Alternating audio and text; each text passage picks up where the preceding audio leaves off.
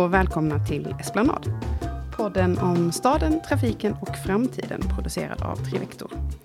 Jag heter Caroline Ljungberg Tholsson och eh, i vårt förra avsnitt så hade jag besök av Fredrik Gerten som pratade om sin film Push och om fastighetsjättar på bostadsmarknaden. Men idag så ska vi prata om någonting helt annat. Eh, jag har med mig tre gäster idag. Det är Alexandra Nikoleris, Roger Hildingsson och Johannes Stripple. Alla tre från Lunds universitet. Välkomna till podden. Tack. Tack så mycket. Kul att ni är med. Vi sitter ju på väldigt coronavänligt avstånd eh, eh, på varsitt håll på grund av min väldigt, väldigt lilla förkylning. Men nu är ju läget som det är just nu. Och det här ska nog också gå bra. Eh, Alexandra, du är ju på miljö och energisystem medan ni, Roger och Johannes, är på den statsvetenskapliga institutionen. Så ni har lite olika bakgrunder. Eh, det ni har gemensamt är att ni har alla tre varit involverade i projektet Narrating Climate Futures. Ett samverkansinitiativ som tittar på olika narrativ och berättelser om eh, klimatets framtid, kan man väl säga. Ehm, först och främst, eh, vad, om vi nu ska göra det lite enklare för våra lyssnare här. Vad är berättelser eller narrativ? Går det att säga? Johannes? Ja, ett vanligt sätt att tänka kring en berättelse eller ett narrativ är att det handlar om att länka samman olika händelser eller erfarenheter och det är den här sekvensen av händelser som är centralt i ett narrativ. Det finns en början, någon slags mitt och ett slut. Och ordet eh, narrativ kommer från det latinska verbet narrare som betyder att berätta. Och vi har ju då översatt det här till klimatfrågan och vi säger att vi berättar om den fossila eran. Hur den började, hur den formade våra liv, samhällen och hur den upphörde hur vi lämnade den bakom oss.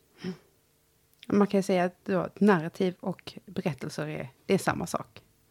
Ja, det är i stort sett samma sak. Det är samma sak. Men jag tänkte, när man pratar om berättelser, berättelser kan ju vara väldigt mycket olika saker. När jag satt och pratade med några kollegor så sa någon backcasting, någon pratade om liksom, filmberättelser och hur de eh, är uppdelade. Eh, tänker ni också på det här med liksom, olika typer av berättelser? Ja, alltså i, i eh, vårt samverkansinitiativ så det vi tar fasta på är ju dels att det finns olika berättelser såklart och som Johannes sa att en berättelse ju handlar om det här att länka samman olika händelser och det kan ju finnas olika saker, olika fenomen i världen eller i samhället som man vill berätta om, belysa och förstå. Men man kan ju också göra det på väldigt olika sätt så vi skiljer lite mellan själva berättelsen, alltså det man vill eh, belysa, och hur man gör det, alltså någon typ av teknik för att föreställa sig eller att berätta. Okay. Och det här med backcasting och så är kanske vad vi skulle tänka på som olika sätt att berätta snarare än som olika specifika berättelser. Mm. Går det att säga då att det liksom finns något sätt som är bättre än något annat? Eh, ja, men det är väl eh, en fråga som vi ställer oss. Kanske inte att det finns ett sätt som alltid är bäst, utan snarare att i olika sammanhang så kanske olika tekniker passar olika bra och för olika syften då. Jag tänkte på det här, alltså, varför är det viktigt med, med narrativ eller berättelser? Roger? Ja, det, det är ju också en fråga vi intresserar oss ja. för. Och, och det, man kan ju säga jag och Johannes som statsvetare här och, eh, men också kollegor till oss i bredare samhällsvetenskapligt då, så kan man säga att det finns liksom ett ökat intresse för att förstå liksom det eh, samhälleliga och politiska berättandet och, och, och, och dess betydelse eh, för eh, dels för liksom den förda politiken liksom, och, och för att motivera och legitimera liksom, att vi för en viss typ av politik. Då. Men, eh, men också lite ännu mer grundläggande liksom för att beroende på vilken teknik, berättarteknik man använder då, så kan man ju säga att politiken, liksom samhället i stort, bärs liksom upp av liksom berättelser om det samhälle vi alla är del av. Mm. Och, och egentligen då, förutom att fungera som den här typen av sekvens av händelser så, så bygger ju ofta så det samhälleliga berättandet eller samhällsberättelser på eh, baseras på någon form av berättelse som grundas i liksom hur, vi, hur vi förstår oss själva och vilka vi är och, och, och, och vilket då handlar om så att säga, vår historia, vår identitet och den typen av frågor och som skapar mening på det sättet. Då. Men de inrymmer ju ofta också då liksom element av, av en berättelse om vår samtid, om var vi befinner oss, eh, vad som eventuellt är problematiskt. Eh, eh, och, så här. och sen då framtidsberättandet som ju blir så viktigt eftersom politik, samhällsstyrning, planering eh, och sådana frågor väldigt mycket handlar om liksom hur, för, hur tänker vi oss liksom framtiden och hur förhåller vi oss till framtiden och hur förstår vi det? Så därför finns det oftast då i det politiska berättandet också en berättelse om den framtid vi liksom önskar eller vill ha eller eh, en berättelse om vart vi är på väg. Jag tänkte också koppla till, till ert projekt då, det här Narrating Climate Futures. Mm. Så, vad har berättelsen för betydelse för klimatet? Just i klimatpolitiken så blir ju den här typen av berättandet ganska tydligt eh, hur det förekommer då olika typer av berättelser som inte bara vad det gäller så att, säga, att det finns olika typer av tekniker som Alexandra berättade, utan också då liksom vad, vad de här berättelserna faktiskt handlar om.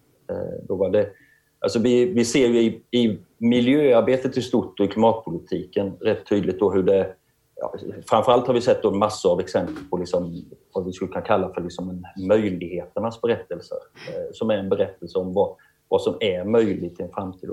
Men det finns också då liksom mycket mer dystra berättelser som handlar då och kanske är ett uttryck för liksom den, den oro för klimatförändring vi, vi, vi, vi står inför. Och, eh, ska, ska vi förstå klimatproblematiken som en så samhällskris? Mm. Eh, eh är det överhuvudtaget möjligt mm. eh, att, att, hantera den här problematiken?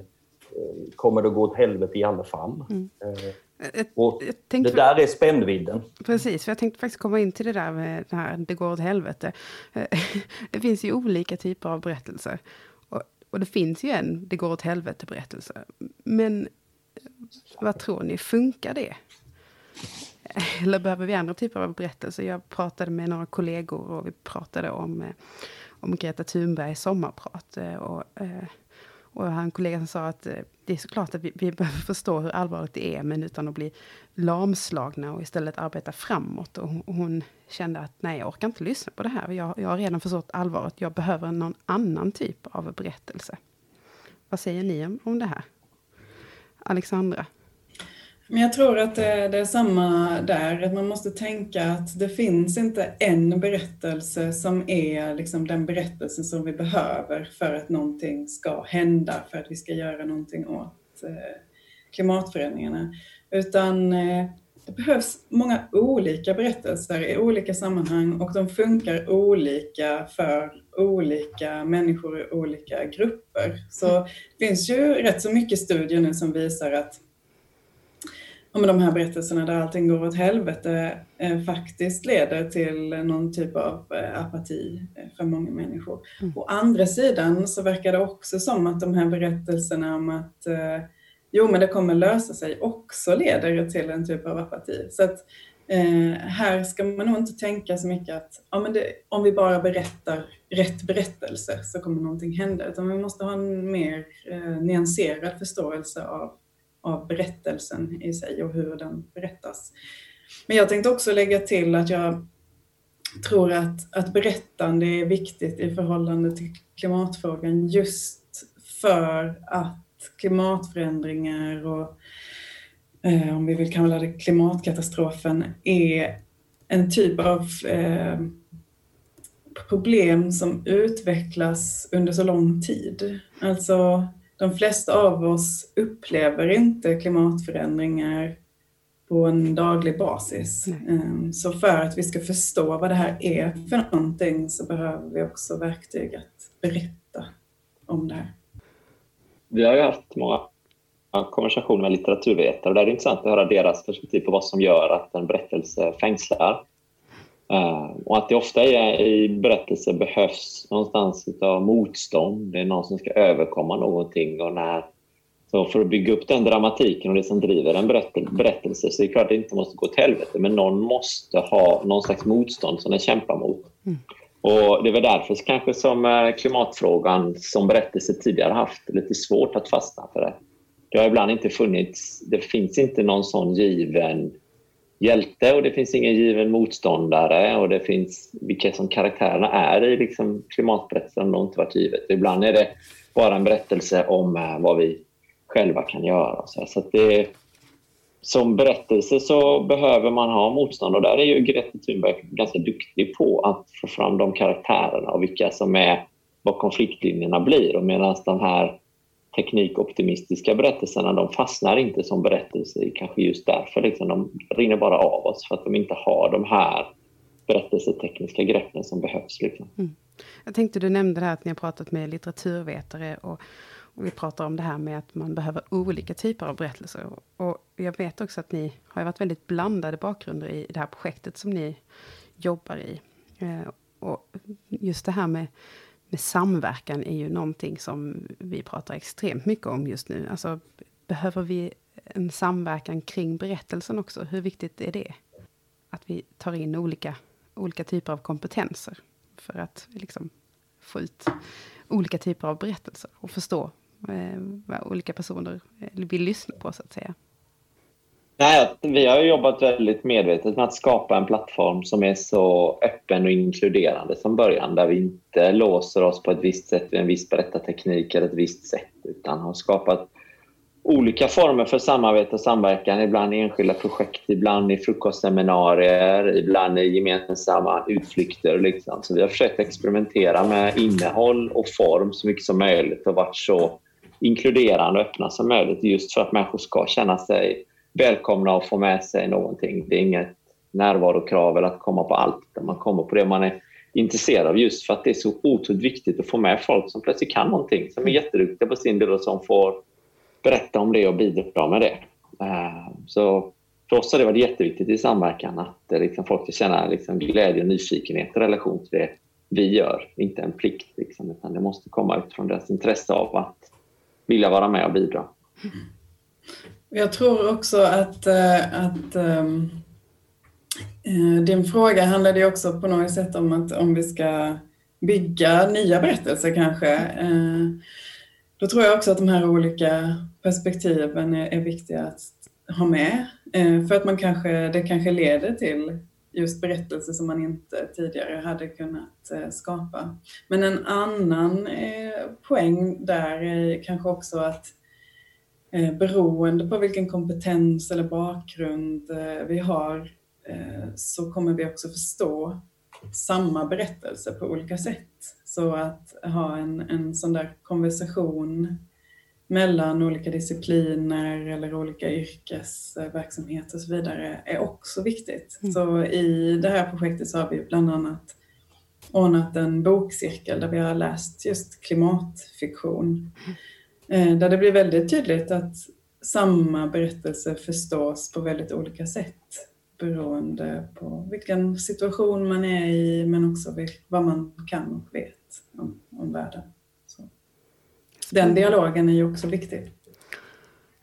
Kan man säga liksom, eh, att om man vill använda berättelser proaktivt för att förändra klimatarbetet, hur ska man göra då?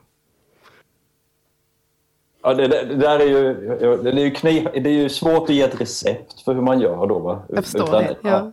Men, men, men, man kan ändå försöka resonera. Alltså, I grund och botten handlar det om, vill man jobba, jobba proaktivt med att använda berättelser för att uppnå någon typ av syften, ja, men då handlar det ju liksom om storytelling mm. eh, på något sätt. Då, och, och, precis som vi säger att det finns olika typer av berättelser så finns det också olika knep och tekniker inom storytelling. Då, men det viktigaste där kanske är, framförallt om man vill åstadkomma förändring så är det väl viktigt att, att den berättelse man, man berättar eh, inte är för liksom snäv och enkelspårig. Till exempel som Johannes nämnde, de här ganska teknikoptimistiska scenarier vi har, som ju är ett exempel på en berättelse, men som kan vara väldigt svårt att liksom motivera eh, olika aktörer. Då.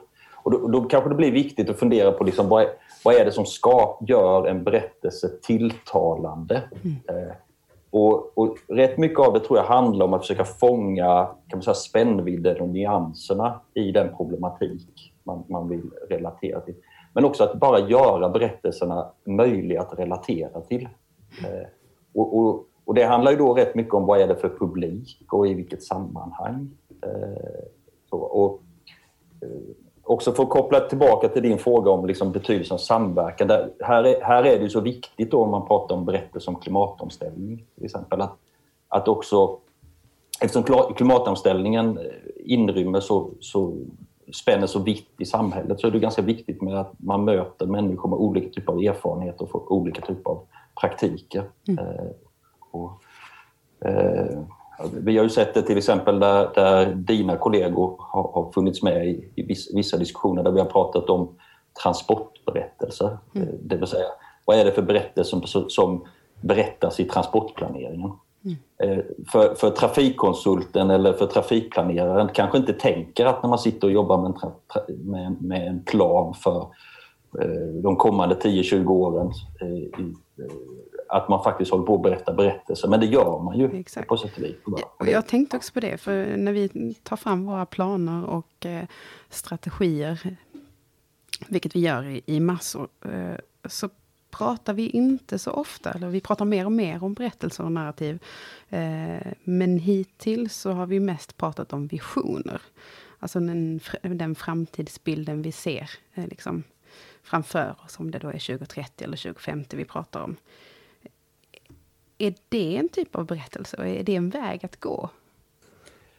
Jag skulle vilja säga en, en sak. Vi, vi har tittat lite på Ja, det representerar ett exempel på, på den typen av eh, tekniker man kan använda för att berätta berättelser i, i, i någon form av liksom samhällelig praktik. Eh, alltså det här med planer och visioner.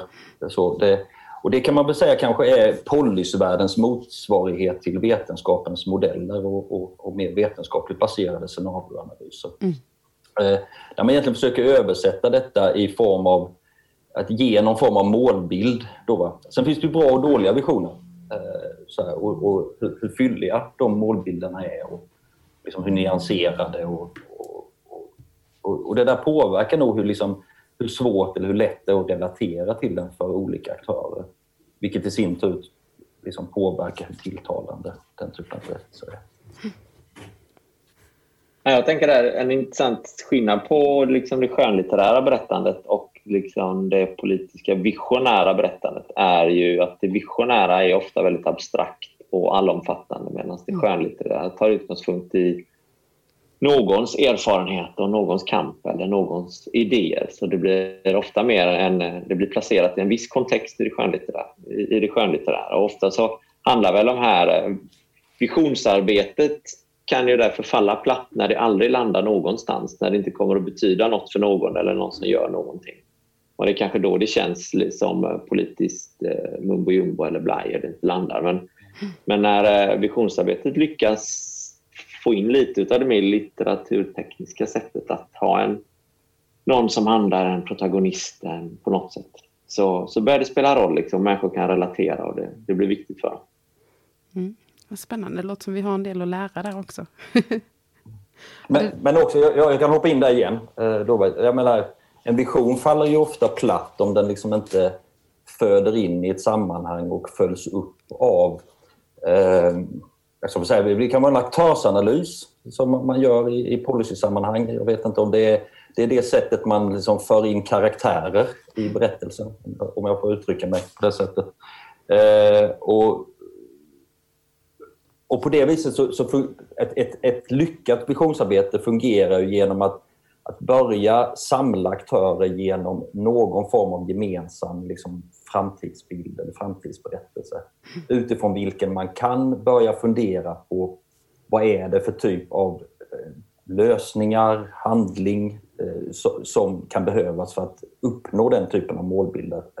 Exakt. Och, och på det sättet fungerar ju då om man lyckas med sånt arbete då kan det fungera som så att säga, legitimerande mm. för en viss typ av, av, agerande. Och då kan det ha väldigt stor betydelse. Och vi har, historiskt har vi massor med exempel på det där. Eh, både lyckat och mindre lyckat. Jag tänker vision i sig är ju inte så, så intressant utan det är faktiskt vägen dit. Exakt. Eh, där kan man nog lära sig mycket av berättelser. Eh, kan ju inte undvika att säga att vi står i en väldigt speciell tid just nu. Ehm, vi står ju mitt i, i coronakrisen och vi ses inte på grund av en liten, kan tyckas löjlig förkylning. Ehm, vi är många som jobbar hemma. Ehm, någonstans så, så börjar det här kännas som det nya normala. I början av det här året så så eh, kände man att eh, man inte hade någon koll på hur framtiden såg ut. Men nu börjar man ändå kunna utkristallisera sig liksom, lite hur det kommer att bli kanske framöver och planera någorlunda för framtiden. Eh, och jag funderade mycket på det här, liksom, hur påverkas berättelsen av, av corona? Kan man säga någonting om det?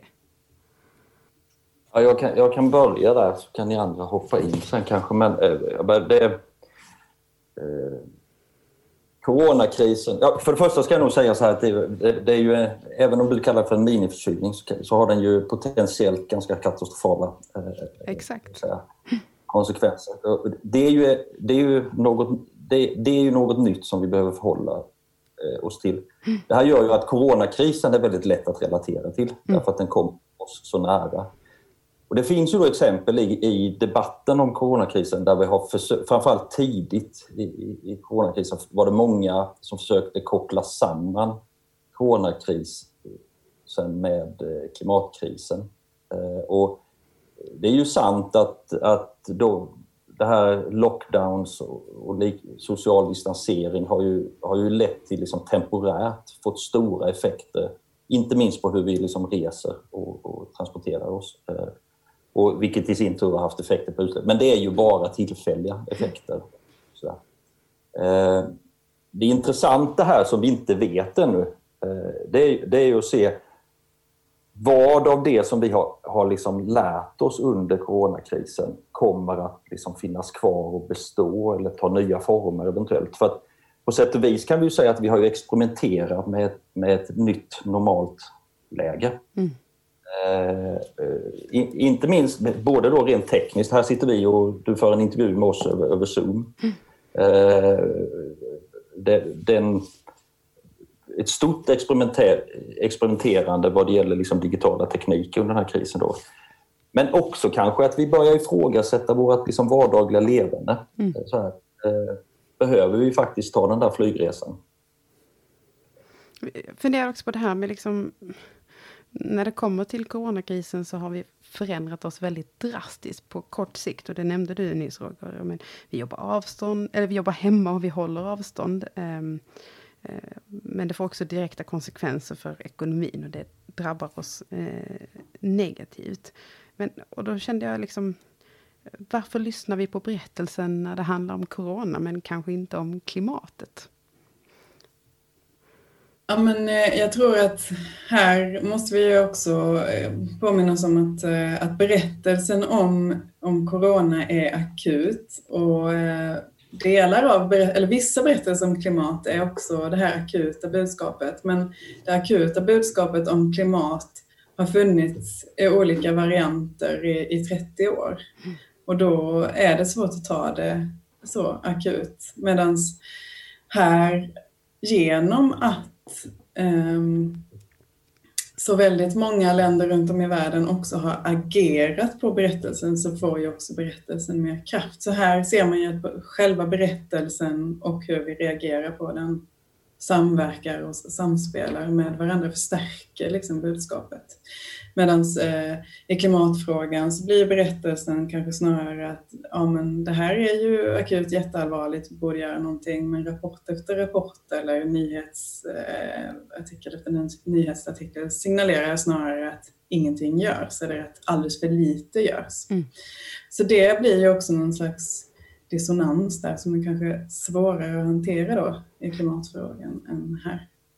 Men jag, jag vill också komma tillbaka till din fråga ifall corona har förändrat berättandet. Och det vet jag inte om vi liksom kan säga någonting om. Men jag tycker att eh, den här pandemin har vis också ganska tydligt belyser eh, vad berättelser spelar för roll på något sätt mm. i eh, samhället. Och, och Roger sa ju att men det här är en kris som är lätt att relatera till för att den på något sätt kommer nära. Mm. Men på många sätt så är det ju här egentligen också en ganska abstrakt kris. Mm. Alltså för många av oss eh, Ja, men särskilt vi då som har den typen av yrken där man kan sitta hemma. Det är ganska lätt att liksom hålla sig borta från de här eh, sammankomsterna som an, andra inte har ett, de kan inte göra det valet. Det man, man upplever pandemin genom berättelserna, mm. inte genom egentligen eh, ja, en egen vardag eller sådär, utan eh, det blir mer som ett eh, spektakel som man tar del av från sin trygga soffa och så vidare. Mm. Ehm, så för, för, många, för olika människor så mm. spelar det här olika roll. Kan, kan vi dra nytta av det på något sätt när vi hanterar klimatfrågan? Och hur, hur vi har hanterat eh, det här? Ja, alltså det, det, är väl egentligen det man säger som, vad betyder coronakrisen eller pandemin för eventuellt för klimatarbetet och miljöarbetet i stort. Så, så är det, ja, det är ju det här gamla argumentet som ofta refereras till Winston Churchill då, att man aldrig ska förspilla en, en, en kris. Så, och att kris innebär så att säga en möjlighet.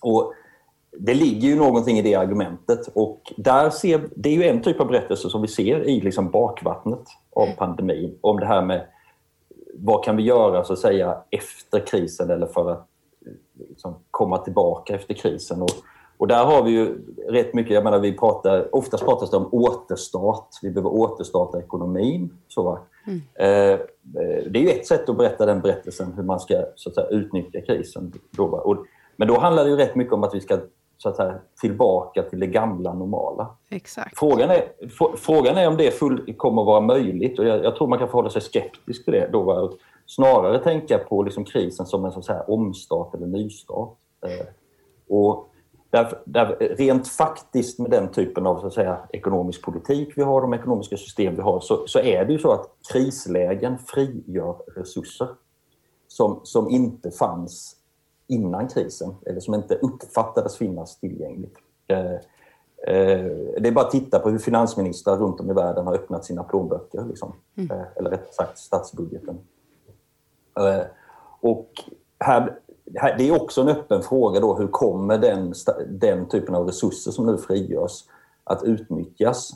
Och Kommer man att ställa klimatkrav, miljökrav på dem, kommer man att, då, kan, då kan det här vara en möjlighet för att få skjuts och lite fart i klimatomställningen. Men vi ser ju också exempel på där, där det finns argument om att eh, det, det finns mycket, mycket viktigare prioriteringar i, i pandemins eh, i, i bakvant av pandemin. Då, Att vi snabbt måste återskapa jobb. Mm. Där, som givetvis då gör att Eh, det finns en risk för att man inte prioriterar mer långsiktiga utmaningar som miljö och klimat. Jag tänker också att vi kan se att hur coronaberättandet lider av väldigt många samma problem som klimatberättandet har gjort. Att det är tekniskt och expertdrivet och scenariodrivet och prognosdrivet. Det är svårtillgängligt och det har tagit väldigt lång tid tycker jag att få fram andra sorts berättelser om vem som drabbas, var de bor och hur de levde och vad att översätta pandemin till någon slags vardag, liksom hur den har drabbat människor. Vi talar om eh, det är aggregerade siffror om eh, spridningar och dödstal och så här, men det har eh, varit väl, en begränsad krets som anses vara de som har kunskap att berätta och vilka som är ganska snävt expertdefinierat av liksom epidemiologiskt sett. Och i, I klimatfrågan tog det lång tid innan det blev en samhällsvetenskaplig och humanistisk fråga och inte bara en teknisk vetenskaplig. Och coronaberättandet är ju inte där än. Utan det är ju fortfarande på det sättet tekniskt, naturvetenskapligt, medicinskt definierat. Så förhoppningsvis så får vi ett bättre coronaberättande än vad vi har haft och har haft hittills. Och då kanske vi förstår mer om coronakrisen, vad det är vad för sorts kris, eh, kris det är. Liksom.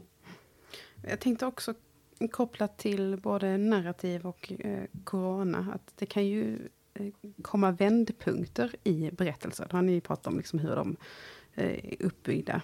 Och jag tänker att eh, tidigare var det till exempel smog i många städer och nu, nu också på grund av eller till följd av coronakrisen så ser man himlen.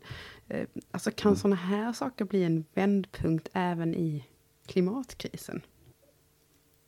Det, det är tidigt att säga än så länge. Eh, så, det, men åtminstone finns det ju, liksom, det finns ju lite tecken i skyn i alla fall. Mm. Eh, och jag tänker till exempel på de här Dels de här berättelserna om delfiner i Venedig och, och man kan se himlen i New Delhi och, och, och sånt där. Då.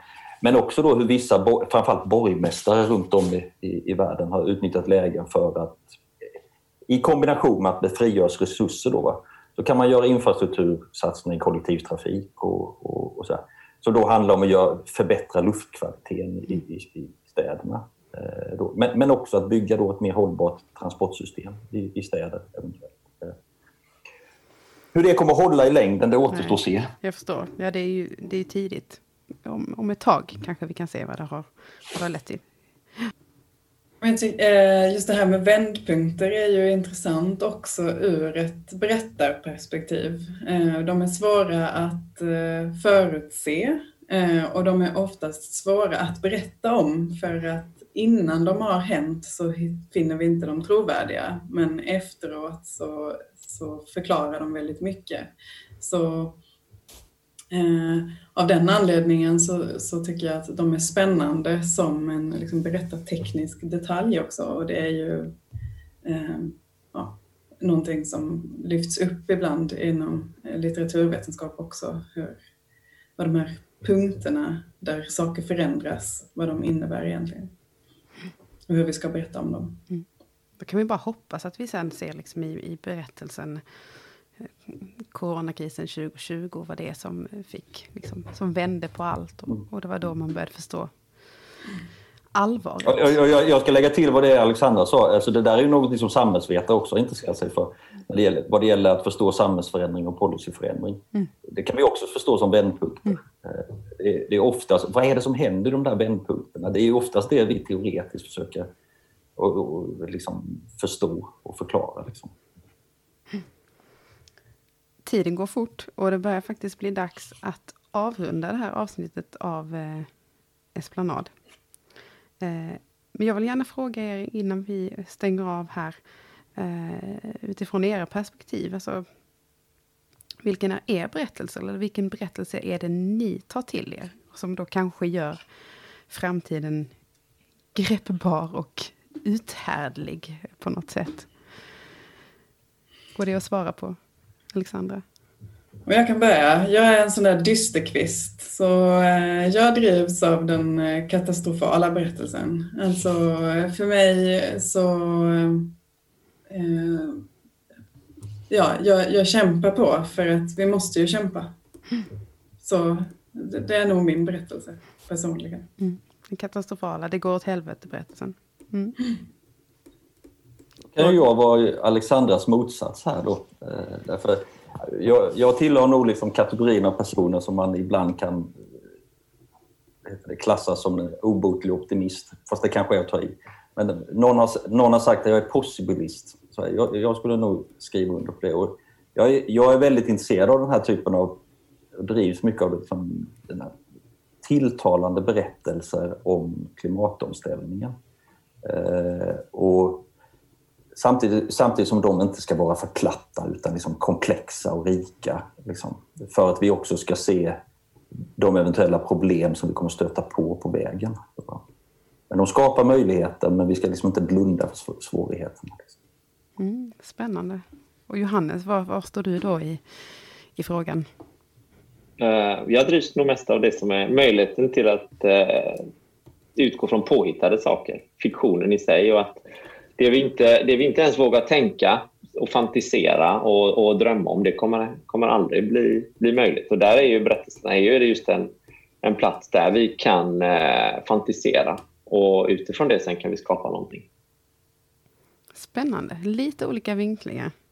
Den katastrofala, den positiva och sen liksom fiktionen i sig på något sätt. Spännande. Och vi ser fram emot att följa er och ert eh, spännande projekt även framöver. Och det känns som att det här med berättelser, det tar ju liksom, det tar aldrig slut. Och det blir eh, bara mer och mer spännande och viktigt. Så stort tack för att ni ville gästa det här avsnittet av Esplanad. Tack själv. Vill du veta mer om podden eller om Trivector? Besök då trivector.se. Och har du tips eller tankar om podcasten? Hör av dig till esplanad.trivector.se.